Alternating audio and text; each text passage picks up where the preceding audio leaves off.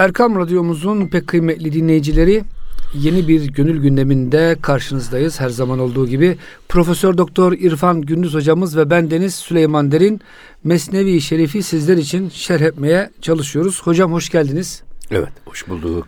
Hocam geçen hafta kendisini dev aynasında e, efendim sinek iken e, böyle büyük bir e, kartal gibi gören o e, gafil varlıkla alakalı bilgi veriyorduk okuyucularımıza. Şimdi tabii insanın kendi alemi gözü kadardır, gördüğü kadardır diye söyle, o beytte kaldık ya geçen. Çok güzeldi hocam o beyit. Yani e, Esad Erbili Hazretleri bu Karl Vete o Katolik papazı Evet. ziyarete gelmiş.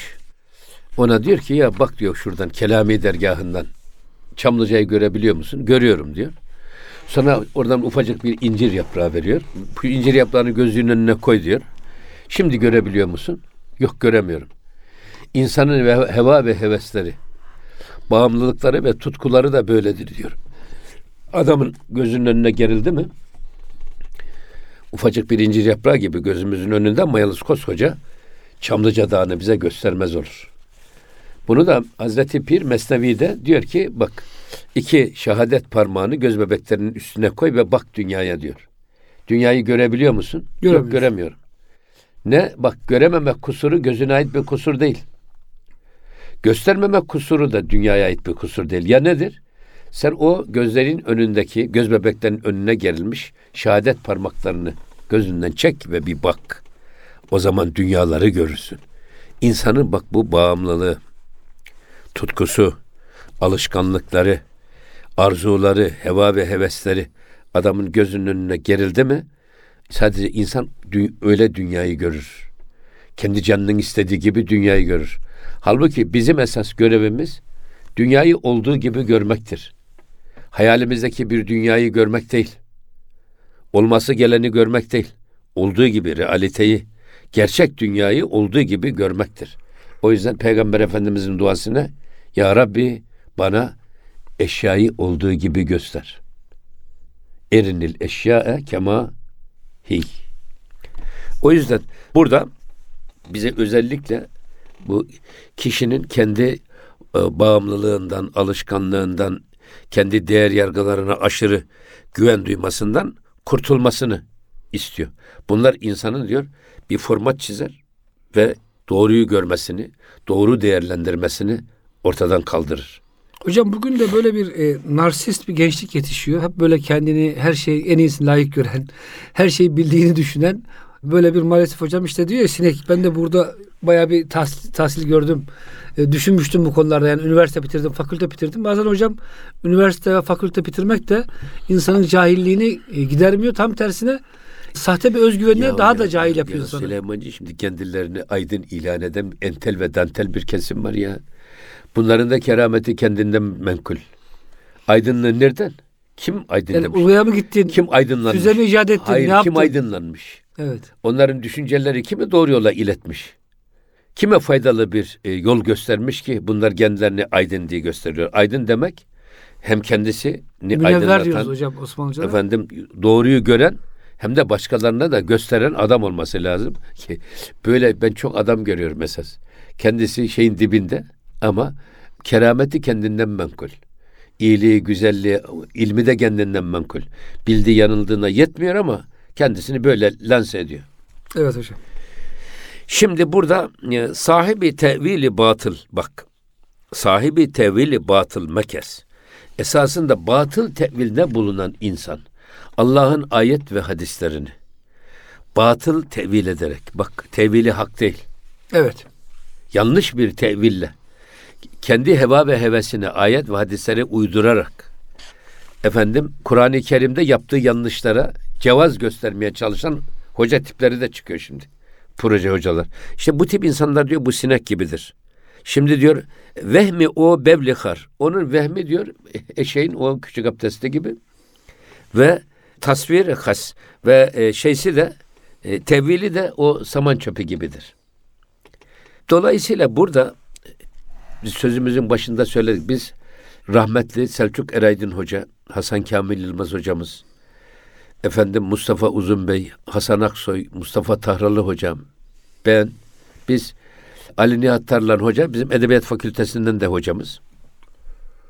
Eski divan edebiyatı hocamızdı. Eski Türk edebiyatı hocamızdı. Emekli olduktan sonra biz onun iki buçuk, üç sene zannediyorum Küçük Bakkaköy'deki devlethanesinde bize her hafta Şeyhi ve Fuzuli divanı şerh etti. Şimdi bu Ali Nihat Tarlan Hoca bir beyti şerh ederken belki bir ay sürer. Bir beyt, bir mısra. Orada o mısradaki geçen her bir kelimeyi ayrı ayrı ele alır. Der ki bu kelimenin bak 5-6 tane manası var. Her bir manaya göre bu beyt mısra şöyle manalandırılabilir. Her bir ayrı ayrı.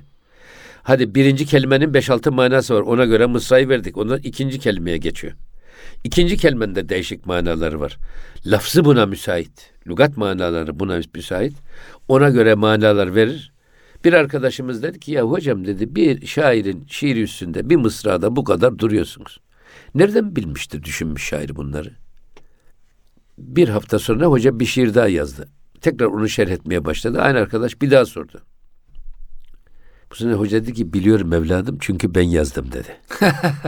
Güzel. Bizim kültürümüzde dedi metin şerhi çok önemli bir ilim dalıdır. Metin şerh etmek, metini yorumlamak. Bak bizim bütün Osmanlı geleneğinde her ilim dalında şerhler çok önemlidir. Şerhler hiç kaybolmaz. Ana metin burada. Her gelen alim şerh ediyor. Ben bunu böyle anladım diyerek. Bütün şerhlerde muhafaza ediliyor. En son okuyan adam o ilk metni kim hangi gerekçelere göre efendim hangi delillere dayalı olarak farklı bir değerlendirmeye gitmiş. Bunu önce öğreniyor. En sonunda da kendisi de bir şerh yapıyor. Bir sürü analizden sonra bir de kendisi de bir sentez yapıyor. O yüzden dedi bak eskiden bizim e, medreselerimize bu metin şerhi mecburi dersler arasındaydı. Çünkü mollalar yarın hayata atıldıkları zaman Allah'ın kelamını, ayetleri ve hadisleri yorumlayacaklar. Onlardan hüküm istinbat edecekler, hüküm çıkaracaklar. O yüzden onları da böyle çok esnek ve elastik bir şekilde kullanma yeteneğine, Düşünme yetisini kazandırmak düşünme yeteneğini kazanmaları lazım. O yüzden onlara bu şey bir antrenman gibi bir e, ne diyelim ona Hayali olarak uçak sürüyorsunuz Ha, yani. uçak Evet. sürüyorsun. Onun gibi bu şairlerin şiirler üstünde zıp zıp gibi oynasınlar da yanlış yaparlarsa burada yapsınlar. Çünkü şairin şiirinde yanlış düşünmenin, fazla düşünmenin, eksik düşünmenin kimseye bir zararı yok. Ama Allah'ın ayetlerini, peygamberin sünnetini yorumlarken yanlış değerlendirip de yanlış bir hükme varırlarsa hem kendileri yanılır hem de ümmeti yanıltmış olurlar derdi. O zaman biz tefsirin ve tevilin ne demek olduğunu anladık. Ali Nihat Tarlan Hoca'dan. Allah rahmet eylesin. Bizim fakültelerimizde Arapça metin okunuyordu tefsirlerde. Celaleyn ya da Beyzavi'den tefsir okunuyor o kadar. Halbuki esas bunun Beyzavi nasıl böyle bir yoruma gitmiş, hangi gerekçelerle gitmiş onların esas öğretilmesi lazım. O yüzden e, burada batıl tevili esas e, yerin dibine çalıyor şey Hazreti Mevlana. Gerçek tevile bir şey demiyor, gerçek tevile ihtiyaç var. Hatta ben şey de söyle söylüyorum, düşünüyorum. El ulema veresetül enbiya. Alimler peygamberlerin mirasçılarıdır. Cenab-ı Hakk'ın ayetlerinin ilk müfessiri kim? Allah'ın Resulü. Ondan sonra kim? Ashab-ı kiram. Öyle mi? Şimdi e, Cenab-ı Hakk'ın vahyi böyle işte 380 bin voltluk yüksek bir akıma benzerse eğer peygamber geliyor Allah'ın Resulü sağ eliyle alıyor 380 bin voltu sol elinden 220 volta düşürüyor ve hepimiz anlayacak hale geliyoruz öyle mi? Öyle hocam. Ama öyle insanlar var ki 220 voltu da kullanamaz. Kalem pil seviyesinde, orta pil seviyesinde, yassı pil seviyesinde. İşte o zaman alimler devreye giriyor. Daha Alimler- da azaltıyorlar. Peygamberlerin elinden 220 volta alıyor. Muhataplardaki insanların seviyesine göre indirerek anlatıyor. Burada tevhile ve tefsire ihtiyaç var işte. Yani her insanın anlayacağı şekilde anlatmak. Kellimin nase ala kaderi ukulihim.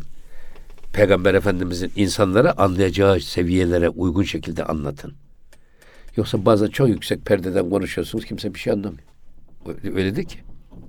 Mühim anlaşılması, anlatılması, ikaz edilmesi, uyarılması. Evet. Bu dolayısıyla mesela Hakkaiki Sülemi dedik. Efendim tevilatı Kaşani dedik. İşte İmam Maturidi'nin siz buyurdunuz. Tevilatül Kur'an. Tevilatül Kur'an'ı buna şiddette ihtiyaç var. Mesela ben yine bu e, Hazreti Pir'in bir tevilini arz edeyim dinleyicilerimize ve size. O da inne enkerel esvati le savtul hamir. Seslerin en çirkini eşek sesidir. Ben bu ayet-i kerimeyi okuyunca dedim yani bu ayet-i kerimenin bir ayet olarak gündeme taşınmasının hikmeti nedir? Bir gerekçesi olması lazım. Hemen hemen bütün tefsirlere baktım. Yüreğimi böyle soğutan, beni ikna eden bir yoruma rastlamadım.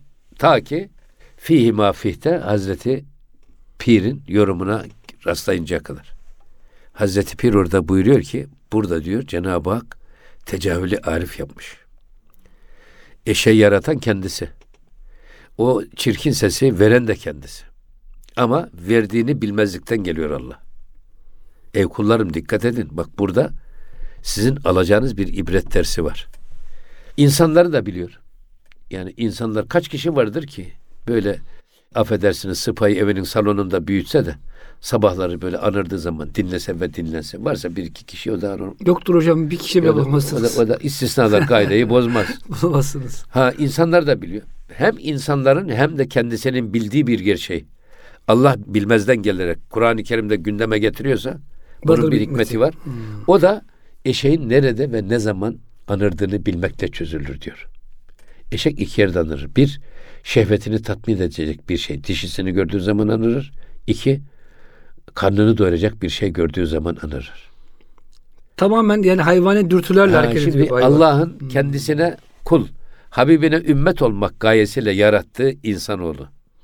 Kendisine emaneten verilen ömrü, imkanı, gençliği, parayı, pulu, şanı, şöhreti neyse bunları Allah'a kulluk ve peygambere ümmet olma yolunda değil de sadece şehvetini tatmin ve yalnızca menfaatini temin uğrunda harcarsa bu insan diyor farkı Edel sırrına göre eşekten daha aşağıdır demektir. Çünkü eşeğin kendisini savunma şeysi var. Niye senin sesin böyle çirkin diye sorsa Allah.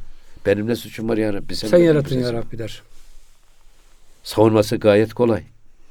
Ha o zaman o zaman anlıyorsunuz işte tevhili hak dediğimiz şey bu. Böyle bir ayeti kerimede Cenab-ı Hakk'ın sakladığı muradı ilahi nedir? Bizim kul olarak almamız gereken ibret nedir? Bunu yakalamak ve bunu anlatmak.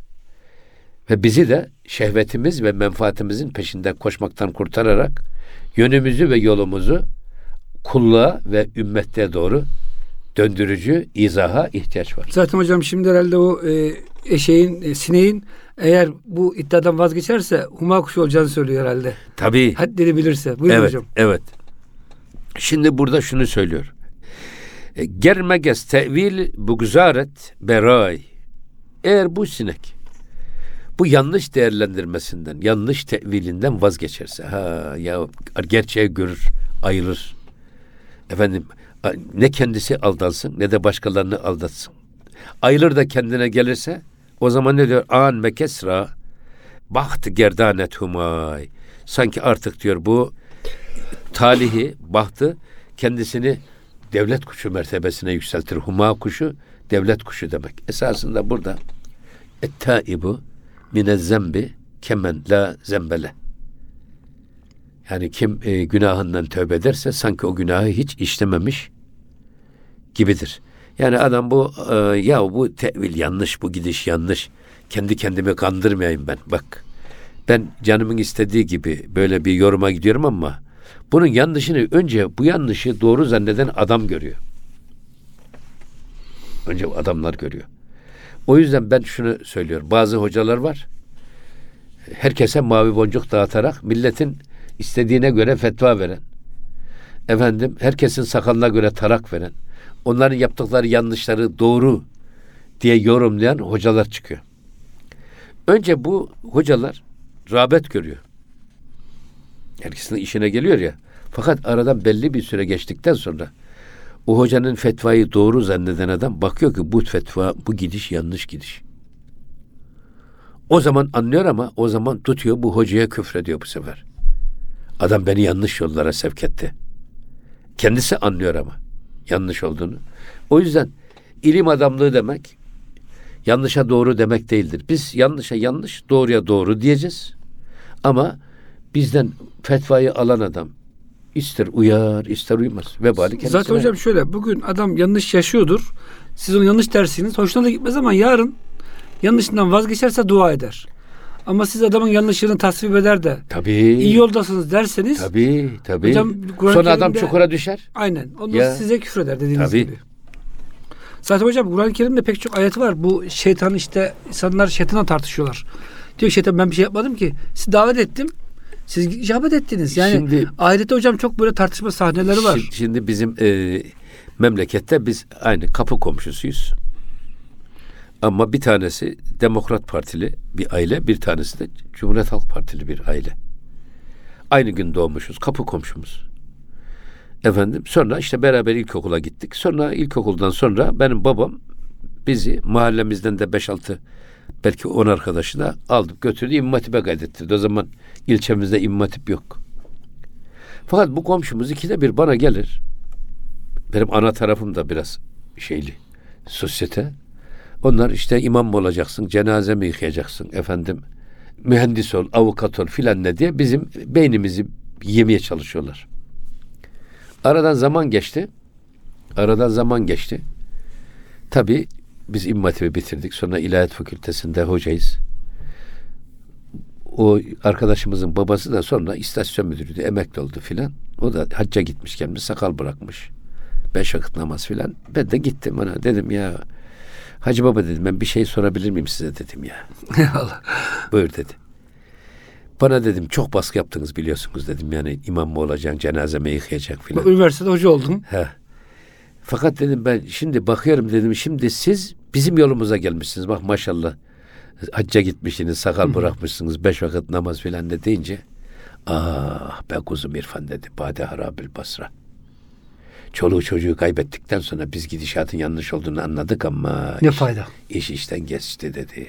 Bak siz doğru yoldaymışsınız dedi. Ama 40 sene sonra söyledi belki bu lafı. Ama artık adam kendisini evet bu gidiş yanlışımız deyip kendisi dönüyor ama Çoluğu aynı dönüşü çolukta çocukta başarılı olamadı. Olmuyor da yani. O yüzden ama ne olursa olsun yine de bu e, böyle bir yanlış tevile, tevilde bulunan adam kendi tevilinden indiği görüşünden vazgeçerse o adam başına devlet kuşu konmuş bir insan gibidir. Artık yücelir. Kendi görüşünün kendisini alçaltmasına izin vermez. Bu yanlışa, bu çukura düşmekten kendisini kurtarmış olur. Hocam burada kısa bir araya girelim. E, çünkü ilk bölümü bitirmiş olduk. Demek ki hocam insan yani nefsi levvame dediğimiz tasavvufta zaman zaman kendisini eleştirmeli, hatalısını, kusurunu görüp hatadan ve kusurdan vazgeçmeli. Bu da büyük bir hakikaten fazilettir. Amin. Evet. An meges nebvet keş'in ibret büvet. Artık diyor bak kendi bu yanlış tevillerinden, kendi kendisini büyük görmesinden, böbürlenmekten, gururdan, kibirden kendisini kurtaran sinek artık sinek değildir diyor. Çok güzel hocam. O ibrettir diyor artık. İbret almış, gerçeği görmüş, uyanmış ve kendine gelmiş demektir diyor. Bak bu çok önemli bir iş. Yani gerçekten bir insanın kendi yanlışını kendisinin görmesi kadar güzel hiçbir şey yok. Hatta Peygamber Efendimiz ne buyuruyor? Ne mutlu kimseye ki diyor. Kendi kusurlarıyla meşgul olması onu başkalarının ayıbını araştırmaktan alıkoymuştur. Hocam başkasının kusurunu görmek yani marifet değil. Esas marifet Aha, kendi kusurunu görmek. Tabii bu nedir? Vela teziru vaziratun vizre uhra. Yani kimse kimseden sorumlu değil. Kimse kimsenin yükünü yüklenmez. Hatta bırakın anne baba evladın, evlat anne babanın yükünü yüklenmez. Her birimiz kendi suçumuzdan kendimiz sorumluyuz. Ama maalesef bak burada şeytan ve nefs bizi hep başkalarının yanlışlarıyla meşgul ederek oyalıyor. Bize kendimizi unutturuyor. Ve kendi yanlışlarımız gittikçe büyüyor. Kar topu gibi büyüyor. Öyle bir noktaya geliyor ki bizi altına alıp ezip geçiyor. Halbuki marifet kendi aybımızı görmektir. Başkalarının aybını görmek ya da göstermek marifet değildir.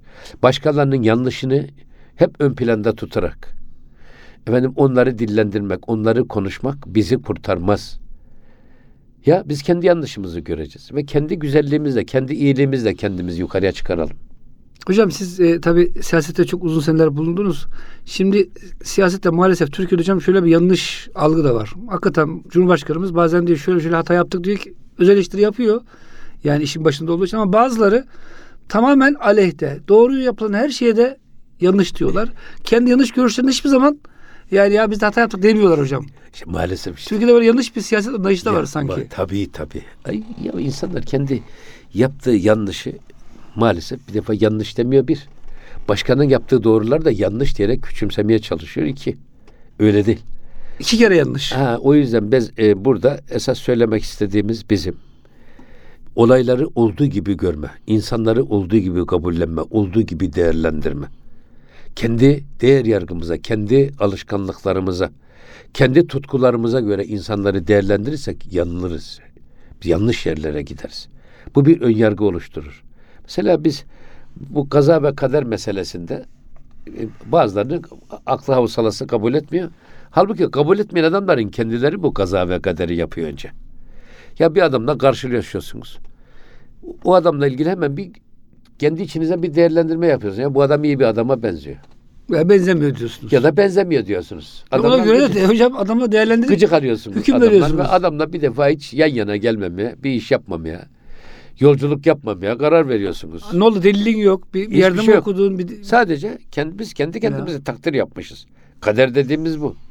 Fakat sonra kader bizi o adamla bir yolculuğa mahkum ediyor veya bir bir yerde bir iş yapmaya mahkum ediyor. Sonra bakıyorsunuz ki Allah Allah adam hiç öyle değilmiş ya. Adam iyi bir adammış. Yanıldığınızı anlıyorsunuz. Veya adam tam sizin dediğiniz gibi adam e, tip bir adam. Ya iyi ki ben bu adamdan şimdiye kadar uzak kalmışım. Yani o takdirinizde isabet ettiğiniz ortaya çıkıyor. Ama aynı adam kaza ve kadere imana geldim miydi kendisinin yaptığı şeyi Allah'a bir türlü şey yapamıyor. Hocam bir psikoloji, psikologlar araştırma yapmışlar. İnsanlar hocam bu dediğiniz ilk görüşteki değerlendirmeleri yüzde seksen oran doğru çıkıyor hocam. Evet. Yani bir adamı görüyorsunuz ya bu adamda iş yok. Bu adam tehlikeli bana zarar olabilir diye düş- düşünüyorsunuz ya hocam. Yüzde seksen doğru çıkıyor. Nereden anlıyorsun hocam? Bunu şöyle araştırma yapmışlar. Hani bu e, bir suça kurban gitmişler sonra niye böyle oldu? Ya ben adamı şüphe etmiştim ama şunu diyeceğim yani hocam bir kul bile yüzde seksen oranında başarılı oluyorsa kaza ve kader konusunda tabii ki Rabbimizin yüzde yüz bunu Amin. bilmesi ve yazması gayet normal. Şimdi devam ediyor şimdi bakın. Hani bu e, artık e, kendi tevilinden vazgeçen, bu değer yargısının doğru olmadığını anlayan sinek artık sinek değildir. O ibrettir diyor. ibret almış. Ya. Ve diyor ki ruhu o ni derhori suret büvet. Artık o görünüşte sinek de olsa, hor ve hakir bir sinek de olsa artık o o sinen yaptığı yanlıştan kendisini kurtardığı için sinek değildir. Sadece surette sinek, sirette bu yanlıştan kurtulmuş, doğru yolu bulmuş birisi demektir. Burada yine Hazreti Pir sık sık burada şeye söylüyor. Bütün şeylerde suret ve mana biliyorsunuz hep bu ikilem üstünde çok durur. Hazreti Pir. Ya da sureti var, bir de manası var. O yüzden surete takılıp kalmayın. Suret sizi yanıltabilir. Esas olan manadır. Esas insanın karakteri. Mesela insanı e, şekline bakarak değerlendirirseniz yanılabilirsiniz. Halbuki karakterini dikkat alarak değerlendirin. Ahlakını dikkat alarak değerlendirirseniz doğru karar verirsiniz. Suret aldatıcıdır. Her konuda buna sık sık bize şey yapar ama bir de bunu tevil noktasında da aynı şekilde değerlendiriyor. Siz kelimenin zahir manası kabuk. Ama esas özü teville ortaya çıkarabilirsiniz. Tefsirle ortaya çıkarabilirsiniz. Ehlinin anlayacağı şekilde saklı olan bir meyve gibi mesela işte bir cevizi düşünün. Dışında önce tazeyken acı bir yeşil bir kabuk. Onu soydunuz içerisinde katı bir kabuk. Onun içerisinde esas ceviz saklı. O yüzden işte o saklı manayı ortaya çıkarmak. Esas tevili hakiki dediği tevil bu. Muradı ilahiyi ortaya koymak. Ama e, bu yüzden de zahirin aldatıcılığına ve sığlığına aldanmamak. Hem insanları değerlendirirken de böyle, olayları değerlendirirken de böyle. Şimdi koskoca bir ceviz ağacı, koskoca bir çınar ağacı. Ya bakıyorsun o bir çınar ağacı ufacık bir cevizden çıkmış. ekseniz kim inanır ki o cevizin içinde o koskoca çınar ceviz saklı? İşte o saklıyı bulabilmektir tevili hakiki dediğimiz. Özü yakalayabilmektir. O da buna e, bizim müfessirlerimizde Allahu alemi bi muradihi bihi esasında biz bir şey söyledik ama bu konudaki muradı en iyi bilen Allah'tır der. O kadar. Kendi düşüncemizde söyleriz ama bizim düşüncemiz yüzde yüz doğrudur, isabetlidir gibi bir iddiada bulunamayız. Murad ilahi Allah bilir. Şimdi devam ediyor bakın. Hem şu an harguş ki o berşir zet. Esasında o sinek esasında diyor bu aslana saldırmış tavşan gibidir. Kendisini büyük görme meselesi var ya. Tavşan ne diyor? Yani her gün diyorlar ki aslana ya sen yerinde otur. Ne işin var sağda solda dolaşacaksın. Her gün içimizden birisini sana kurban verelim. Sen avlanmaktan vazgeç. O zaman sıra tavşana gelince tavşan ufak. Tavşan diyor ki ya daha biz her gün her gün sıra bana ne zaman gelecek diye bunu düşünerek kendi kendimizi heder edeceğimize bana bir fırsat verin diye ben bu şeyi aslanla baş edeceğim. Aslana bir hile, tuzak kuracağım ve bunu vazgeçireceğim. Halbuki o filler var bu işin içinde, diğer büyük ayılar var, büyük hayvanlar var. Adam da diyor ki lan şu uzun kulaklı ufacık bir tavşan bu cesareti nereden buluyor? Demek hocam tavşan e, ruhunu geliştirmiş, aslanlaşmış. Evet. Ama o koca koca filler, Evet. işte boğalar onlar da e, küçük kaldığı için Şimdi aslanlaşamamış. işte burada tabii o buradaki yani eşeğin küçük abdestin üzerindeki saman çöpün üzerine konup da kendisini ummanlarda, okyanuslarda bir gemi kaptanı gibi zanneden adam yerine koyan sinek gibi tavşan da kendisini büyük görmeye başlıyor. Ben de bir hilemle diyor, hudamla diyor bu aslanın hakkından gelebilirim. Aynı şey. Yani insanın kendi cirmine bakmayıp da kendisini olduğundan çok daha büyük görmesi. Esas insanı aldatan bu. Kendimizi olduğumuzdan daha fazla. Bildiğimizden daha büyük alim zannetmek.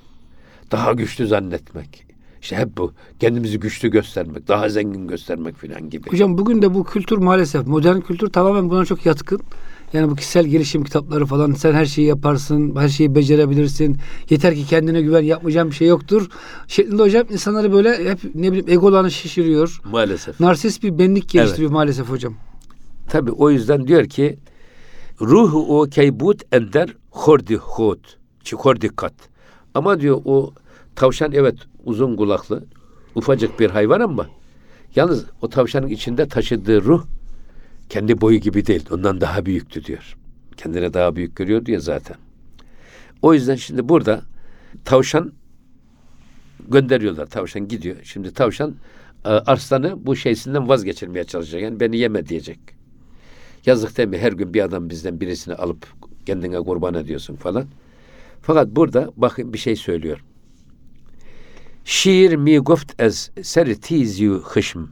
Diyor ki aslan hiddet ve gazabından dedi ki tavşan gecikmiş. Bekliyor ya her gün ayağına gelecek bir kurbanı. Hayvanlar anlaşmışlar. Sen meydana çıkma. Avlığa çıkma. Avlanmaya da çıkma. Biz sana her gün ayağına getirelim bir tane kurban. O gün tavşan gecikiyor. Fakat tavşanın geç kalmasından acıkmış da müthiş sinirleniyor arslan. Evet. Ve diyor ki gezrehi guşem Adu. adu berbest çeşm. Şimdi diyor ki bu düşman diyor esas benim e, kulağımı kullanarak, kulağımdan girerek esas Gözümü. gözümü bağladı. Hocam tabir çok Enteresan güzel. bir şey, enteresan bir şey bak. Tabir çok güzel. Ya yani adam bana böyle aldatıcı, hoşuma giden güzel laflar söyleyerek filan e, benim gözümü bağladı. Ben de diyor onların sözüne inandım. Kör oldum. kör oldum. Burada da gene esasında bak bir insanı işte bu aynen o sinek haline getiren şey nedir? Adamın kendi kendisine söylenen hoş laflar olabilir. Mesela Peygamber Efendimiz ne buyuruyor? Sizi yüzünüze karşı öven insanın suratına toprak serpiniz. Çünkü kulağınızdan girerek sizin gözünüz bağlıyor. herif. Gözünüzü Değil mi hocam? bağlı. Zaten hep öyle oluyor. Olmadık şey size varmış gibi Varmış gösteriyor. gibi Var gösteriyor. olan hatalarınızı da yokmuş gibi gösteriyor Yokmuş hocam. gibi gösteriyor. Efendim tatlı dille sizde güven telkin ediyor. Ya işte şöyle bir yatırım var, şöyle kar olacak, böyle kar olacak bilmem ne. Adam size koskoca bir ödül vaat ediyor. Halbuki bomboş. Halbuki yani adam hani kedi demiş ki ya fareye bak demiş orada bir koskoca bir teker kaşar var. Git ye demiş. Eğer çıkarsan o kaşar senin olacak. Şimdi fare demiş lan mesafe kısa ödül büyük. Burada bir hile var bir adam çıkmamış. Hocam çok güzel bir ibretlik söz söylediniz. Hakikaten e, ben de öyle düşünüyorum bazen. Çok büyük hocam böyle birisi bana iş teklifi getirirse ya diyorum ben garip bir adamım. Bu kadar büyük karlı bir işi şirketler şimdi ya bana mümkün değil bırakmaları. Hiç diyorum bu işe girmeyeyim. Evet doğru.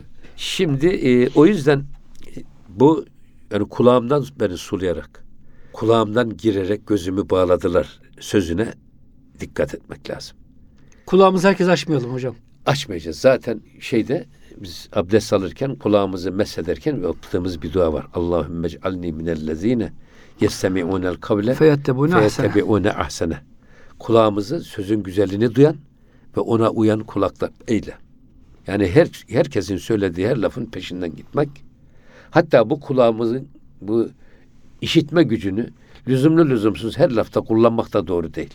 Neyi dinleyip neyi dinlemeyeceğimize iyi karar vermemiz lazım. Hatta, hocam yanlış olduğunu bildiğimiz bir şey dinlesek yani bu yanlış diyoruz ama hocam o beynimize giden o uyarılar beynimizde, şuur altımızda bir sürü lüzumsuz meşguliyet Tabii canım. ortaya çıkarıyor. Tabii canım yani tabii. O yüzden bizim kültürümüz semai bir kültürdür. Esas insan, in- tüm insanlığın kültürü semai bir kültürdür. O yüzden Mevlana diyor ki insan kulaktan ibarettir. Çok güzel. Kulağı olmayan adam aynı zamanda dilsizdir. Eğer duymuyorsa nasıl konuşacak? Hocam kulağını kullanamayan adam aynı zamanda kördür. Aynı zamanda kördür. İşte bak zaten bizi kulağımızı kullanarak gözümüzle bağlıyorlar. Ağzımızla bağlıyorlar. O yüzden kulağa çok dikkat etmek lazım. İmam-ı Gazali diyor ki ilim yoluna çıkan bir talibi ilmin ilk öğrenmesi gereken edep dinleme adabıdır diyor. Yani kulağı kullanma adabı. Kulağı kullanma adabı. Çok güzel hocam. Yani İza kuri'el Kur'anu festemi'u le. Kur'an-ı Kerim okunduğu zaman iyi dinleyin, dikkatli dinleyin. Bak. O yüzden vahiy nasıl gelmiş? İkra diye gelmiş. Mevlana ne diye başlamış? Dinle. Bişinef. Bişnev. Bişinef değil din, dinle. Hocam şimdi buradan dinlemekten şey yaparsak şimdi alışveriş markete veya bir merkezine giriyorsunuz. Adamlar hocam sizin kulak tabii kulağa engel olmak çok zor. Hemen kulağınızdan giriyorlar o müziklerle falan filan. Almayacağınız eşyayı size aldırıyorlar hocam. Amenna. Öyle bir tempoya da müzik var ki. Tabii. Ben hocam mesela çoğu zaman kapattırmaya çalışıyorum. Kapatmıyorlar. Kapatma, Ya diyorum şu müziği kapatın ben buraya alışverişe geldim diyorum. Müzik dinlemek istemiyorum diyorum. Siz benim müzik zevkime niye karışıyorsunuz diyorum hocam. Lokantaya gidiyorsunuz. Mesela hocam bazı bu hani şey lokantalar var ya hemen çabuk ye git manasına. Renkler hocam mesela kırmızı. itici renkler. Müzik de hızlı. Bir an önce e, hamburgerini ye Ve ama hocam bazı lokantalar tam tersi. Güzel renkler. Koltuklar Yani geniç. Süleymancığım, meyhaneye gittiğiniz Uzun uzun otur ve çok yemek ye. çok dertli müzik çalar. Daha çok içsin diye. Millet adam gidip bir kadehle efendim kendini avutacak adam o müziği dinledi miydi? Allah Karadeniz'de gemileri batmış, bütün dünyadan her şey yanmış, yıkılmış. Anası babası terk Ondan etmiş. böyle bir tane değil, iki büyük rakıyı devirerek gider. Onlardan öyle müzik çalarlar. İşte hocam kulağı kullanıyorlar. Tabii kulağı kullanırlar. Esasında hocam Mevlana'yı inanın dikkatli okusak var ya hocam. Yani bu psikolojiyle alakalı çok kıymetli Tabii çok bilgiler var. ipuçları var. Bir hocam bir şey de anlatacağım. Hoca demişler ki hocam bir tepsi baklava gidiyor. Evladım bana ne demiş. Yani ben başkasının alakalı bir şey duymak istemiyorum. Hocam demişler ama o baklava sizin eve gidiyor. Oğlum o zaman sana ne demiş. Yani bizim giden baklavadan. Hocam lüzumsuz şeyi dinlemek. Dedikodular, artistlerin, sanatçıların, bilmem futbolcuların arabası, evi bilmem. Bizi ne hocam ya? Bunlar da maalesef çok... Zaten bak Peygamber Efendimizin o hadis-i şerifi Ya. Ne mutlu o kimseye ki kendi kusurlarıyla meşguliyet onu başkalarının aybını araştırmaktan alıkoymuştur. Bir. iki. Min husni İslamil mer'i terkuhu ma la yani. Ne kadar harika bir hocam. Lüzumsuz Prens. sözden, lüzumsuz işten, lüzumsuz efendim bakıştan kişinin kendisini uzak tutması ahlakının güzelliğindendir. Ahlakının mükemmelliğindendir. İşte hoca bize gidiyorsa sana ne demiş?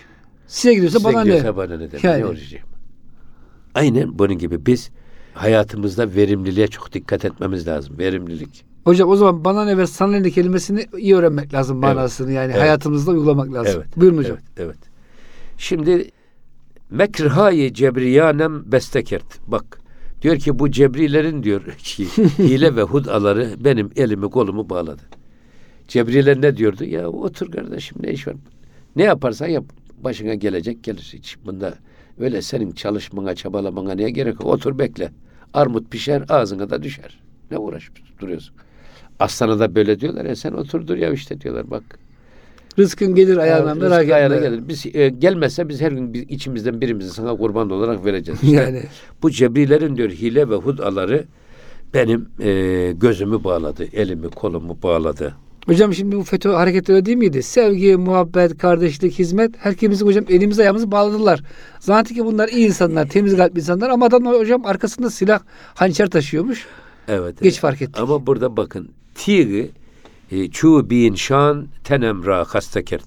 Onların diyor tahtak mukavvadan kılıçları ama yine de beni hastetti.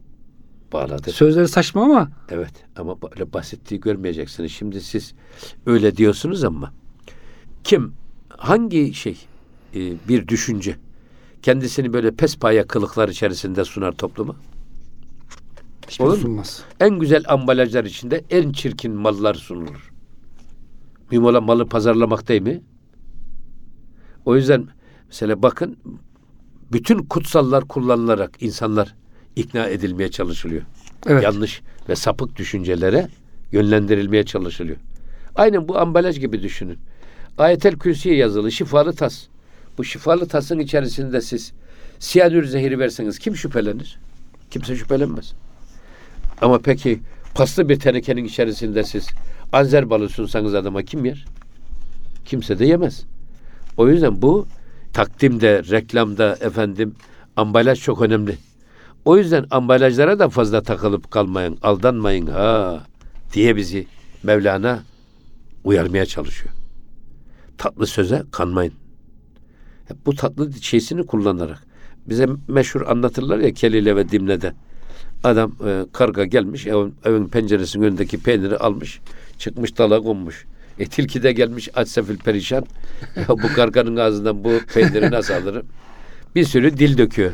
Sonra işte bak bir de bu güzel renginize sesinizle uyuyorsa eğer filan ne diye.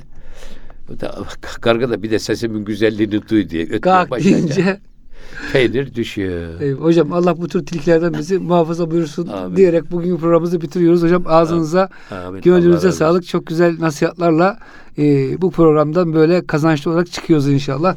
Muhterem dinleyicilerimiz Gönül Gündemi e, bugün burada sona erdi. Lütfen e, bizi takip etmeye devam edin. Bir sonraki programda buluşuncaya kadar hepinizi Rabbimizin affına, merhametine emanet ediyoruz. Hoşçakalın efendim.